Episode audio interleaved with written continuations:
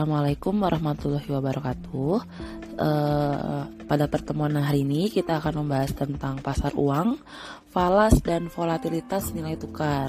Nah, kalau di pertemuan sebelumnya kita membahas tentang neraca uh, pembayaran internasional ya. Terus kita juga ada membahas sedikit tentang um, nilai tukar, terus sistem nilai tukar. Nah, hari ini kita uh, akan membahas lebih dalam uh, gimana sih apa pengaruh dari kebijakan-kebijakan yang berlaku pada pasar uang uh, dan pasar uh, falas itu mempengaruhi uh, volatilitas atau fluktuasi dari nilai tukar. Nah, kita masuk ke pasar uang terlebih dahulu ya. Um, bagi para investor yang ingin menanamkan modalnya, instrumen pasar uang itu banyak menjadi pilihan dan merupakan angin segar untuk para investor. Kenapa? Uh, karena berinvestasi di pasar uang itu uh, modal dan risikonya minim atau kecil gitu. Jadi nggak kayak uh, nggak kayak pasar modal ya itu uh, seperti yang kita ketahui ketika seseorang itu melakukan investasi ya tujuannya untuk memperoleh keuntungan atau profit. Nah, kalau dari berbagai sumber gitu kan, pasar uang itu apa sih? Pasar uang itu merupakan uh, mekanisme pasar yang memungkinkan seseorang melakukan transaksi jual beli dalam bentuk sekuritas keuangan atau kalau disederhanakan dia itu um, wadah ya wadah bertemunya seseorang yang mempunyai dana yang lebih dengan seseorang yang dianggap uh, membutuhkan dana atau konsumen ya seperti itu. Nah kalau di pasar uang jangka waktu peminjamannya itu cenderung pendek gitu dari mulai satu hari sampai maksimal satu tahun. Kalau lebih dari satu tahun gitu um, maka itu bisa digolongkan atau akan digolongkan sebagai pasar hutang. Uh, lalu transaksi pasar uang sendiri biasanya bisa dilakukan langsung atau melalui perantara atau broker ya, gitu. Nah, kalau uh, dari jenis mata uangnya gitu kan, pasar uang itu dibedakan menjadi dua jenis ya, pasar domestik dan pasar valuta asing. Kalau pasar domestik ya artinya pasar uang domestik. Kalau pasar valuta asing ya artinya pasar uh, mata uang internasional. Nah, kalau fungsi dari pasar uang itu juga ada beberapa ya. Nah, yang pertama itu menjadi salah satu sumber pembiayaan modal kerja dan investasi jangka pendek bagi perusahaan untuk melakukan ekspansi usaha. Jadi ini kalau dari dilihat dari kacamata peminjam dana ya atau pem, uh, yang membutuhkan dana, membutuhkan modal gitu. Jadi artinya pasar uang ini bisa membantu uh, perusahaan uh, untuk mendapatkan dana pinjaman dari pihak eksternal supaya dia bisa mendapatkan dana tambahan ketika dia ingin melakukan uh, ekspansi usahanya seperti itu. Lalu kalau dari sisi fasilitatornya atau si pemberi dana gitu kan.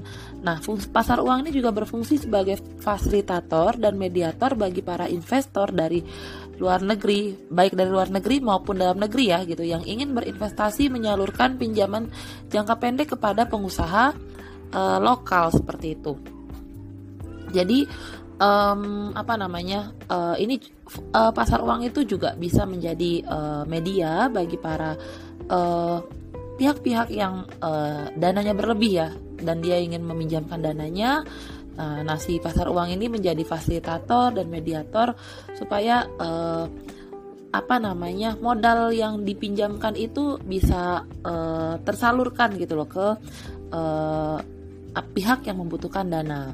Lalu yang ketiga, sebagai mediator dan menghimpun dana masyarakat dalam bentuk transaksi perdagangan surat berharga berjangka pendek.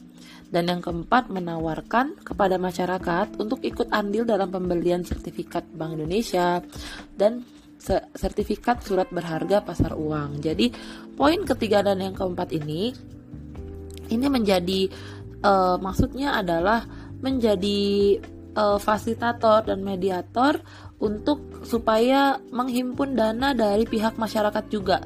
Jadi nggak cuma dari pihak korporasi aja. Jadi pasar uang ini diharapkan juga bisa menjadi wadah untuk uh, bagi semua seluruh lapisan masyarakat yang ingin bertransaksi uh, perdagangan surat berharga, baik itu surat berharga yang diterbitkan oleh uh, lembaga keuangan uh, biasa atau bank sentral seperti itu. Nah, lalu siapa saja sih peserta um, dalam pasar uang atau pelaku dalam pasar uang? Uh, bisa pemerintah, ada bank sentral juga, ada bank komersial, ada sektor bisnis, individu atau masyarakat individu ya. Terus ada perusahaan sekuritas dan investasi, perusahaan asuransi, perusahaan dana pensiun dan foreign issuers. Kalau foreign issuers ini maksudnya perusahaan yang uh, mau memberikan modal uh, kepada perusahaan dalam negeri seperti itu. Nah, kita bahas uh, bank sentral. Jadi, bank sentral ini merupakan pelaku utama dalam pasar uang. Kenapa? Karena bank sentral ini adalah pemangku kebijakan atau pembuat kebijakan ya, pembuat kebijakan dalam setiap aktivitas yang berlaku uh, yang berlaku dalam uh, pasar uang seperti itu. Jadi, um, apa namanya? Bank sentral ini tugasnya adalah perannya ini adalah menjaga stabilitas harga uh, dan menjaga moneter ya, menjaga stabilitas moneter juga gitu. Jadi um, bank sentral dalam hal ini adalah Bank Indonesia. Lalu kalau uh, pemerintah, nah peran pemerintah sama bank sentral tuh sama atau beda sih? Kalau justru kalau peran pemerintah itu uh, mereka itu perannya adalah sebagai uh, penghimpun dana gitu. Jadi uh, perannya pemerintah itu hampir sama dengan uh, peserta-peserta yang lain, baik itu bank komersial, sektor bisnis, uh, perusahaan swasta lainnya, uh, dan juga um, ya perusahaan swasta lainnya seperti itu. Jadi dia itu justru um, pihak yang membutuhkan dana gitu. Kenapa? Karena um, seperti yang kita ketahui namanya pemerintah itu kan dia ada rencana kinerja uh, di mana di, di dalam rencana kinerja itu um, ada rencana anggarannya juga gitu. Jadi um, mereka ketika mereka ingin menjalankan sebuah kinerja kerja mereka gitu kan otomatis mereka akan membutuhkan membutuhkan dana di mana dana dana ini pada akhirnya akan uh, mereka dapatkan dari ya pemerintah pusat atau Kementerian Keuangan seperti itu. Nah, jadi Artinya di sini pemerintah itu berbeda ya perannya dari bank sentral atau bank Indonesia. Karena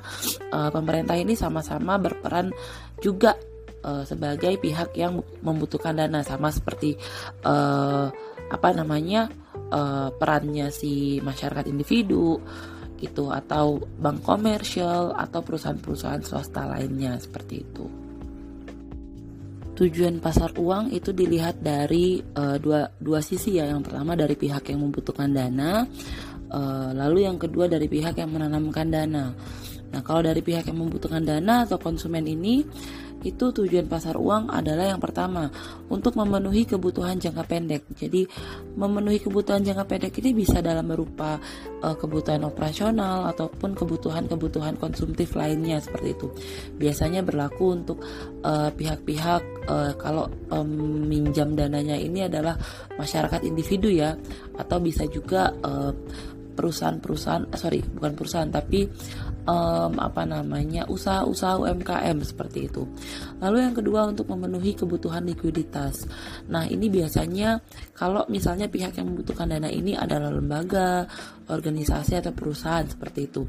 Seperti yang kita ketahui bahwa likuiditas itu adalah kemampuan perusahaan untuk membayar hutang atau kewajiban jangka pendeknya. Jadi artinya gini um, kalau perusahaan itu membutuhkan dana untuk menambah um, apa namanya tujuannya itu untuk memenuhi kebutuhan likuiditas. Artinya perusahaan itu mem memerlukan jumlah arus kas sorry jumlah kas yang cukup supaya mereka bisa membayar hutang jangka pendeknya seperti itu.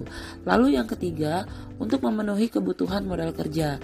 Nah ini biasanya juga uh, berlaku kalau pihak yang membutuhkan dananya ini adalah perusahaan organisasi atau lembaga ya. Jadi biasanya um, kalau misalnya ada perusahaan yang ingin melakukan um, ekspansi gitu kan kan artinya perusahaan itu membutuhkan uh, tambahan dana ya tambahan modal gitu nah artinya di sini um, diharapkan ketika perusahaan itu um, apa namanya mendapatkan tambahan dana itu perusahaan itu bisa me, apa namanya melakukan ekspansi atau menambah uh, modal kerja dia seperti itu. Nah, lalu yang kedua kita lihat uh, dari sisi pihak yang menanamkan dana atau di sini dalam arti uh, istilahnya itu funder ya tadi. Jadi tujuan pasar uang yang pertama itu adalah untuk memperoleh penghasilan dengan tingkat suku bunga tertentu. Jadi udah diketahui tadi kan udah saya jelaskan uh, di awal tadi bahwa ketika seorang investor atau seseorang melakukan investasi di pasar uang itu kan tujuan akhirnya atau um, apa namanya harapan dia itu adalah untuk mendapatkan profit atau keuntungan itu atau dapat mendapatkan penghasilan lah seperti itu. Nah artinya uh, apa namanya ketika uh, perusahaan atau lembaga itu uh, ber, berperan sebagai penanam modal gitu kan penanam dana gitu. Artinya mereka juga mengharapkan imbal balik uh, dari dana yang mereka uh, sudah mereka pinjamkan. Itu bisa berupa uh, biasanya itu digambarkan dalam tingkat suku bunga tertentu seperti itu.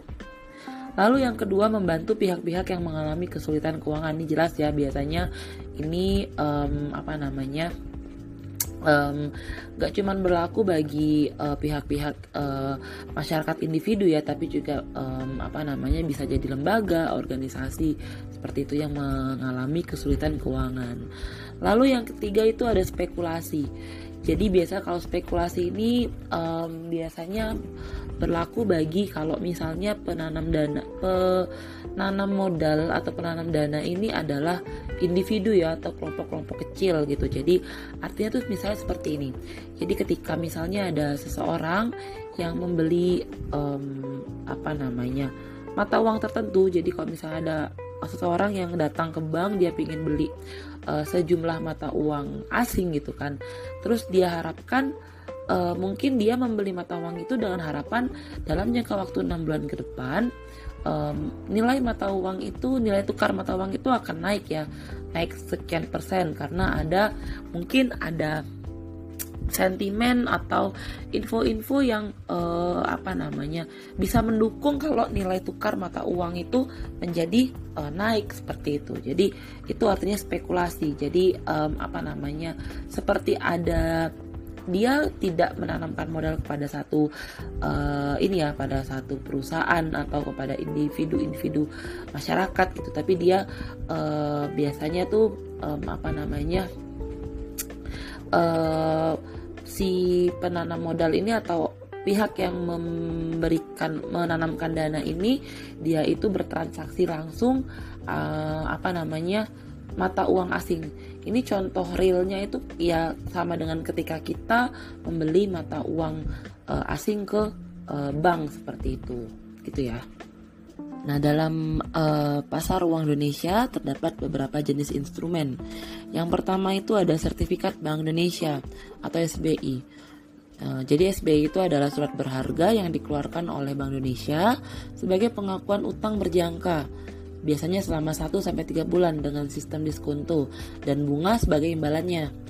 Nah, e, di sisi lain gitu kan, dengan adanya sertifikat Bank Indonesia ini, itu biasanya BI um, apa namanya? itu bisa mengontrol kestabilan nilai rupiah.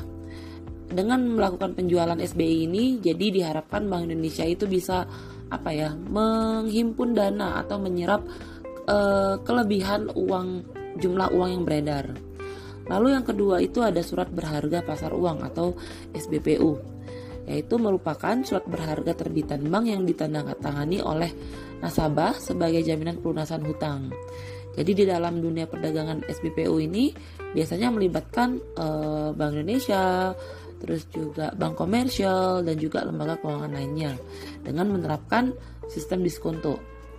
Lalu yang ketiga itu juga ada deposito. Kalau deposito ini adalah surat berharga yang dikeluarkan oleh bank dengan jumlah nominal tertentu dengan sorry sebagai surat atas tunjuk. Jadi biasanya kalau uh, de, uh, deposito ini biasanya um, apa ya seperti simpanan yang di uh, biasanya disimpan dalam jangka waktu tertentu dan um, memiliki uh, atau di, nanti ketika jatuh tempo itu dia akan uh, memiliki atau me, memberikan jumlah imbalan tertentu seperti itu. Lalu yang keempat ada yang namanya call money. Money ini biasanya digunakan saat bank ingin mengalihkan kelebihan uang jangka pendek yang sifatnya sementara. Jadi biasanya jangka waktu call itu pendek ya, biasanya sekitar tujuh hari lah seperti itu. Lalu selanjutnya ada promissory notes. Jadi promissory notes ini biasanya adalah surat pernyataan kesanggupan atas pembayaran uh, hutang piutang jangka pendek antara kreditur dan debitur. Jadi bisa jadi hutang piutang ini terjadi karena adanya um, apa namanya kesepakatan perdagangan ataukah kesepakatan uh, memang hutang piutang dana seperti itu. Jadi uh, secara garis besar, promissory notes ini adalah surat pernyataan kesanggupan untuk membayar kewajiban hutang piutang.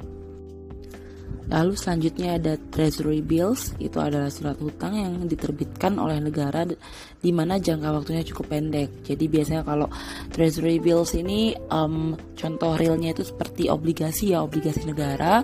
Itu mungkin kalian pernah dengar uh, namanya istilahnya uh, ORI atau obligasi negara retail. Terus juga ada kalau yang versi syariahnya kalau tidak salah itu namanya suku tabungan negara. Jadi biasanya um, apa namanya? Um, uh, sama mirip seperti sertifikat Bank Indonesia, hanya saja uh, mereka juga di, uh, jangka waktunya itu cukup pendek ya.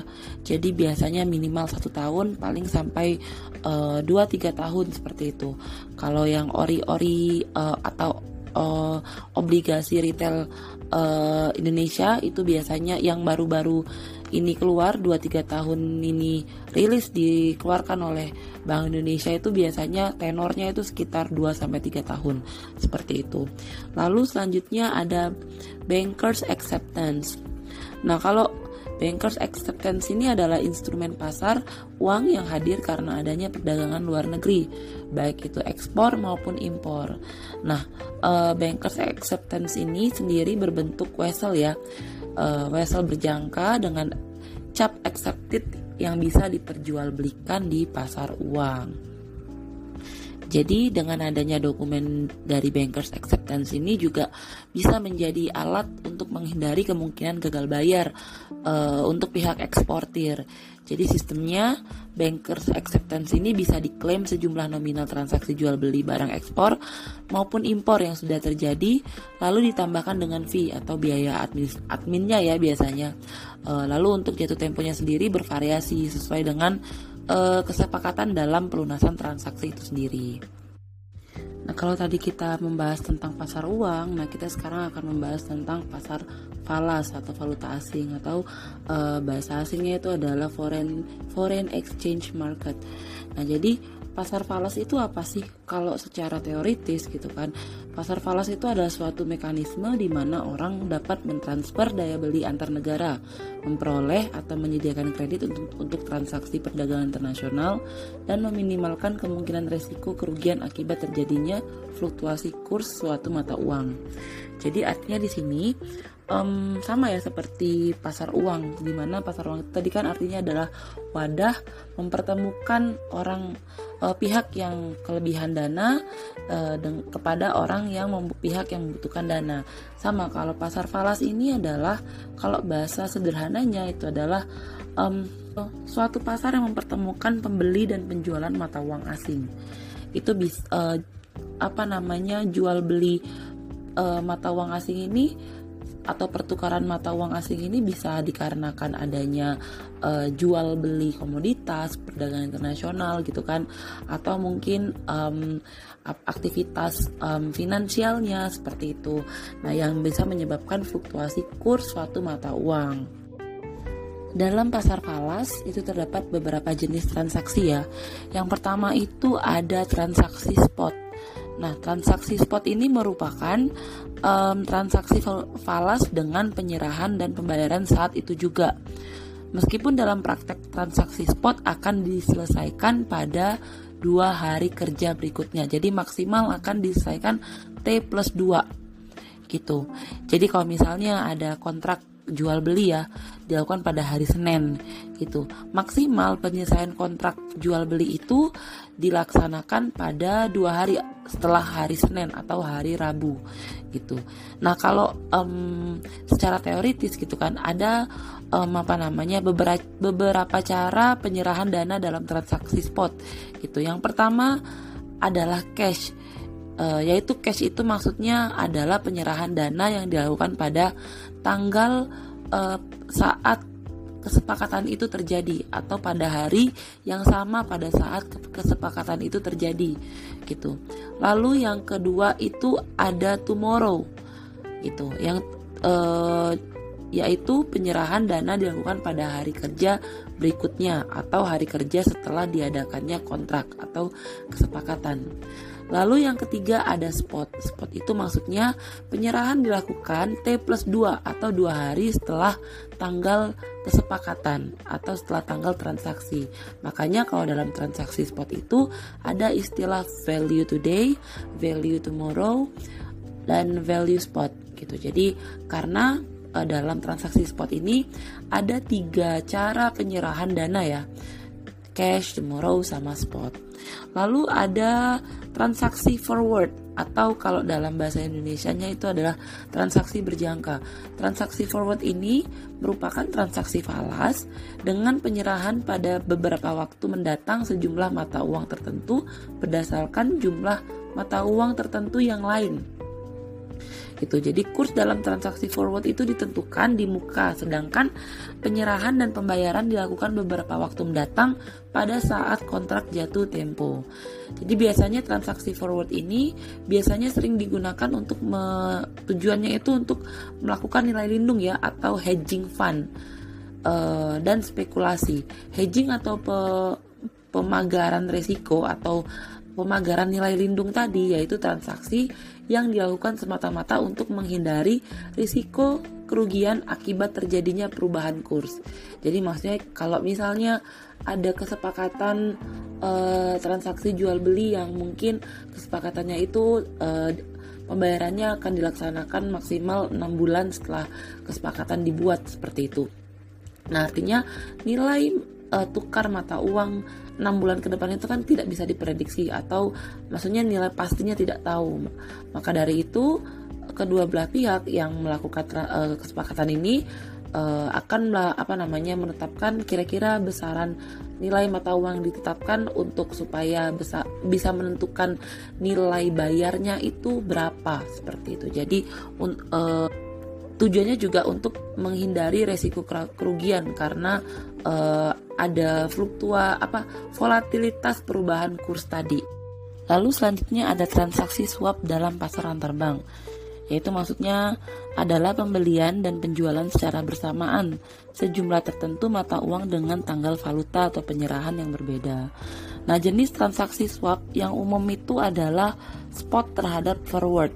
Jadi maksudnya Misalnya itu ada dealer yang membeli suatu mata uang dengan transaksi spot dan secara simultan menjual kembali jumlah yang sama kepada bank lain yang sama dengan kontrak forward. Jadi dia itu membeli uh, satu mata uang dengan transaksi spot. Jadi transaksi pada uh, nilai tukarnya itu berlaku saat itu. Lalu dia juga menjual kembali uh, mata uang itu kepada bank lain atau kepada pihak lain dengan kontrak forward itu. Karena itu dilakukan sebagai suatu transaksi tunggal dengan bank lain yang sama, dealer tidak akan menghadapi resiko falas yang tidak diperkirakan. Jadi seperti yang dijelaskan pada uh, sebelumnya ya gitu kan. Uh, pada prinsipnya transaksi swap ini merupakan transaksi tukar pakai suatu mata uang untuk jangka waktu tertentu gitu. Transaksi swap berbeda ya dengan transaksi spot ataupun transaksi uh, forward gitu. Dalam mekanisme transaksi swap uh, terjadi dua transaksi sekaligus dalam waktu yang bersamaan, yaitu dia menjual dan juga membeli gitu. Penggunaan transaksi swap ini sebenarnya uh, dimaksudkan untuk menjaga kemungkinan timbulnya kerugian yang disebabkan oleh perubahan kurs suatu mata uang. Jadi swap ini dapat dilakukan antara nasabah dengan banknya dan antara bank dengan Bank Indonesia gitu. Jadi uh, bisa dilakukan oleh individu atau uh, bank komersial terhadap bank uh, sentral Nah, tadi udah saya katakan ya kalau yang namanya nilai tukar mata uang itu sifatnya fluktuatif. Artinya eh, apa namanya? nilai tukarnya itu kadang naik, kadang turun seperti itu. Nah, apa saja sih penyebab fluktuasi nilai tukar eh, mata uang itu? Yang pertama itu adalah intensitas dan volume perdagangan nilai eh, mata uang eh, tersebut. Jadi misalnya nih kalau pada saat musim liburan gitu kan biasanya kan eh, kalau di kota-kota besar atau mungkin banyak keluarga lah di uh, apa namanya di kota-kota seperti itu yang mau kadang merencanakan liburan ke luar negeri gitu. Uh, saya ambil contoh misalnya sekitar um, tahun 2018 gitu kan uh, dolar Australia itu mengalami um, depresiasi terhadap nilai rupiah gitu kan pada kuartal ketiga tahun 2018 lalu pada kuartal uh, keempat gitu kan um, nilai tukar dolar itu uh, terapresiasi terhadap nilai rupiah. Kenapa? Karena pada kuartal keempat itu banyak keluarga-keluarga di Indonesia yang merencanakan liburan ke daerah uh, sana ke Australia gitu. Artinya banyak Eh, keluarga-keluarga tersebut banyak yang menukarkan uang uh, dolar Australia di bank seperti itu. Nah, artinya jumlah permintaan uh, nil apa namanya mata uang dolar itu meningkat. Nah, itulah yang menyebabkan uh, kenaikan dari uh, nilai tukar dolar terhadap rupiah. Nah, jadi berlaku di sini hukum demand dan supply ya. Jadi sama jadi kalau misalnya demandnya lagi tinggi gitu kan, demand uh, mata uang itu mata uang itu lagi tinggi, artinya um, nilai tukarnya juga akan naik juga gitu. Lalu yang kedua ada faktor fundamental ekonomi, sentimen dan risiko pasar. Nah ini maksudnya seperti ini. Jadi ketika sebuah negara itu menarik hutangnya terlalu banyak ya, um, misalnya tujuannya tuh untuk pembangunan sebuah negara gitu kadang kadang-kadang itu kan bisa meningkatkan rasio hutang negara itu gitu. Jadi uh, sebenarnya kalau pembangunan negara itu kan memang kalau dampak jangka, jangka panjangnya itu kan positif ya. Artinya bisa memajukan perekonomian sebuah negara. Tapi de, kalau jika pembiayaannya itu melalui hutang seperti itu kadang kadang-kadang banyak negara-negara asing uh, penanam modal itu pada akhirnya uh, menilai lagi nih kira-kira rasio hutang negara tersebut apakah tinggi atau bisa diper uh, bisa dipertimbangkan lagi um, untuk jangka panjang. Karena ketika misalnya um, pembayaran hutang itu kan pasti dalam jangka waktu beberapa tahun ke depan atau uh, mungkin jangka panjang ya seperti itu. Di mana artinya um, inflasi itu kan semakin uh, apa semakin maju tahunnya itu kan semakin naik gitu. Nah artinya uh, kadang-kadang negara itu harus menerbitkan uang yang lebih banyak supaya dia bisa membayar uh, hutang negaranya. Nah kalau misalnya uh, negara itu menambah uh, apa namanya menambah uang jumlah uang yang beredar artinya artinya itu secara nggak langsung bisa meningkatkan inflasi juga karena kan kalau banyak uang beredar itu diestimasikan apa namanya harga-harga barang juga akan naik seperti itu. Nah, itu seperti itu gambarannya. Lalu selanjutnya ada posisi neraca pembayaran. Nah, seperti pada pertemuan sebelumnya sudah dikatakan kalau um, neraca pembayaran itu berkaitan dengan jumlah ekspor dan impor ya. Jadi ketika harga uh, produk kita produk lokal itu harganya lebih murah, otomatis biasanya itu jumlah permintaan uh, barang kita gitu kan artinya uh, jumlah ekspor kita itu biasanya akan naik gitu. Nah, itu kan akan mempengaruhi uh, hukum demand dan supply atau permintaan dan penawaran mata uang itu, mata uang uh, kita terhadap mata uang asing. Nah, itu juga akan bisa mempengaruhi uh, fluktuasi dari nilai tukar. Lalu selanjutnya sistem nilai tukar uh, suatu negara gitu. Nah seperti yang kita ketahui kalau um, ada dua jenis sistem nilai tukar ya, yaitu nilai tukar tetap atau dan nilai tukar mengambang. Tapi uh, da, pada dalam implementasinya seperti itu kan ada banyak variasi dari dua jenis um, sistem nilai tukar itu. Nah, misalnya kalau contohnya ini um, sistem nilai tukar uh, mengambang mengambang seperti itu. Nah, jadi pada sistem nilai tukar ini um, nilai tukar itu dibiarkan bergerak bebas. Namun uh, ketika nilai tukar itu sangat fluktuatif atau um, apa namanya terlalu um, volatil seperti itu kan, maka di sinilah peran pemerintah atau bank sentral uh, akan mengintervensi um, dengan membuat kebijakan moneter lah salah satunya seperti itu supaya nilai tukar itu menjadi terkendali. Selanjutnya kita akan membahas tentang pengaruh kebijakan moneter terhadap nilai tukar. Nah, kebijakan moneter itu apa sih?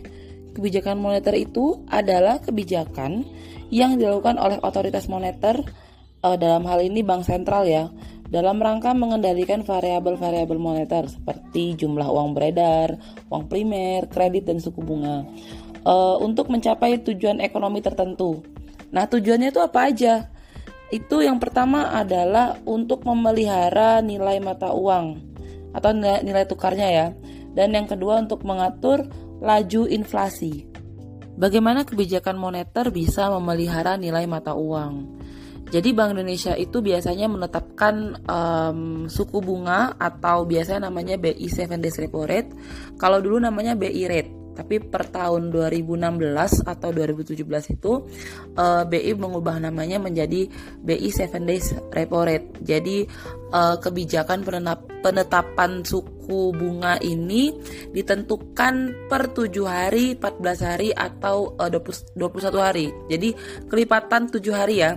Itu dilihat dilihat nih kira-kira dalam uh, kelipatan 7 hari ini pertumbuhan ekonomi uh, domestik itu bagaimana seperti itu. Nah, fungsinya adalah sebagai instrumen utama untuk mempengaruhi kegiatan ekonomi dengan tujuan utama mencapai tingkat inflasi yang diinginkan. Jadi kalau misalnya uh, eh, BI menaikkan uh, suku bunganya uh, si repo rate ini artinya itu akan meningkatkan perbedaan suku bunga di Indonesia dan negara lain. Nah, ini diharapkan e, bisa mendorong investor asing untuk mau menanamkan modalnya di instrumen keuangan di Indonesia. Jadi bisa dia membeli sertifikat Bank Indonesia atau instrumen lainnya seperti itu. Lantas kalau Indonesia mendapat suntikan modal dari investor asing itu pengaruhnya ke mana? Jadi artinya cadangan kasnya Indonesia itu akan bertambah, di mana nanti um, kemudian uh, kas ini akan ada apa namanya ditempatkan untuk investasi yang tujuannya untuk uh, membangun um, negara bisa itu membangun infrastruktur atau membangun usaha-usaha mikro dalam negeri seperti itu. Jadi kalau dalam pembangunan sektor mikro tadi gitu kan, um, biasanya pemerintah itu akan memberikan dana bantuan gitu yang diharapkan itu bisa menjadi um, tambahan modal untuk meringankan biaya produksi um, mereka. Jadi diharapkan ketika um, si pelaku usaha mikro ini mendapatkan uh, bantuan modal, bantuan biaya produksi untuk uh, usahanya seperti itu kan. Jadi diharapkan mereka bisa membuat produk dengan harga yang lebih murah, dengan biaya yang lebih murah. Jadi ketika produk ini bisa dihasilkan dengan harga yang lebih murah gitu kan, artinya diharapkan uh, jumlah permintaan dari produk itu juga meningkat. Nggak cuman permintaan dalam negeri tapi juga permintaan luar negeri. Jadi kalau misalnya ini juga berlaku ya. Jadi kaitannya dengan um, apa namanya jumlah uh, demand dan supply. Jadi kalau jumlah permintaan uh, luar negeri itu meningkat, jumlah ekspornya meningkat, itu kan akan mengapresiasi uh, nilai rupiah terhadap uh, nilai tukar mata uang lain seperti itu. Kita akan membahas tentang uh, model lonjakan nilai tukar atau biasanya itu disebut sebagai fenomena overshooting. Nah, uh, fenomena ini pertama kali dikemukakan oleh Don Birch itu pada tahun 1976. Nah, di fenomena ini menjelaskan pelemahan nilai tukar yang jauh dari keseimbangan fundamentalnya. Uh, asumsi dasar dari model ini adalah peningkatan permintaan agregat akan lebih berdampak pada inflasi dibanding pada peningkatan PDB. Ketika sebuah negara itu mempunyai potensi uh, inflasinya itu meningkat, maka biasanya bank sentral itu akan mengeluarkan kebijakan pengurang, uh, pengurangan jumlah uang beredar. Kemudian uh, akan menurun ke menaikkan suku bunga kebijakan dan suku bunga pasar. Kalau kebijakan itu dijalankan dalam jangka panjang seperti itu kan, uh, inflasi negara tersebut akan terjaga ya tingkat inflasinya akan terjaga karena jumlah permintaannya itu lebih kurang sama dengan jumlah uh, penawarannya. Lalu ketika um, inflasi sudah terjaga, jumlah uang beredar juga bisa di, dikendalikan seperti itu kan biasanya Bank Indonesia akan um, sedikit melonggarkan uh, kebijakannya yaitu dengan uh, menurunkan tingkat bunga. Nah, kalau tapi kalau dengan menurunkan tingkat bunga ini ada dampaknya juga, yaitu um, nilai tukar domestik justru akan melemah. Sebaliknya kalau nilai mata uang asing dalam kondisi yang uh, tinggi.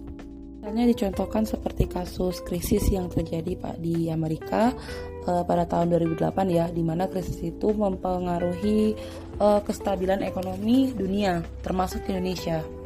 Nah, ketika krisis itu terjadi gitu kan, um, ada penarikan dana secara besar-besaran uh, dari uh, oleh investor asing. Jadi banyak investor asing yang mengambil dana investasinya di dari Indonesia seperti itu. Nah, ketika uh, investor asing ini mengambil dananya dari Indonesia seperti itu kan menarik dananya, itu otomatis pasokan uh, mata uang asing ini kan terbatas di Indonesia. Anggaplah itu uh, eh, US dollar misalnya seperti itu. Jadi kan artinya pasokan uh, dolar itu menjadi terbatas di Indonesia. Otomatis harga nilai tukar falasnya atau kursnya itu akan melonjak.